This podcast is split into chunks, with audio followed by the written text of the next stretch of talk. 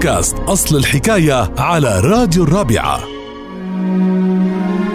أصل الحكاية لليوم بيرجع لمثل قالته ملكة تدمر زنوبيا بنت عمرو اللي تربعت على عرش مملكة تدمر بعد والدها عمرو بن الأضرب اللي قتل على يد الملك جذيمة الأبرش. عملت زنوبيا على الأخذ بثأر والدها من قاتله فبعتت له رسالة مشان يجي إلى تدمر طالب يدا للزواج. فوافق الملك جذيمة ولكن أحد مستشاريه اللي يدعى قصير بن سعيد قال له حاسس إنه الموضوع فيه مكيدة من زنوبيا. فلما وصل الملك جذيمة إلى تدمر قتلت زنوبيا ثأرا لوالده.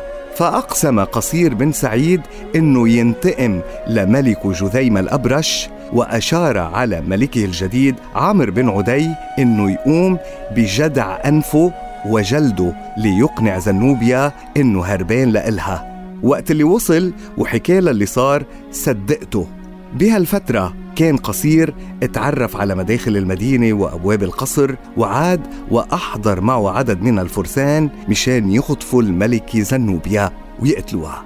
وبعد ما نجحت خطة قصير بن سعيد وأسقط تدمر وشعرت زنوبيا بأنها رح توقع في الأسر لا محالة.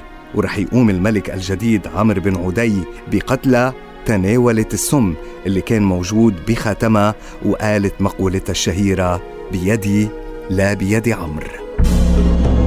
لتتعرفوا على مزيد من أصل حكايات الأمثال تابعونا على بودكاست الرابعة أصل الحكاية.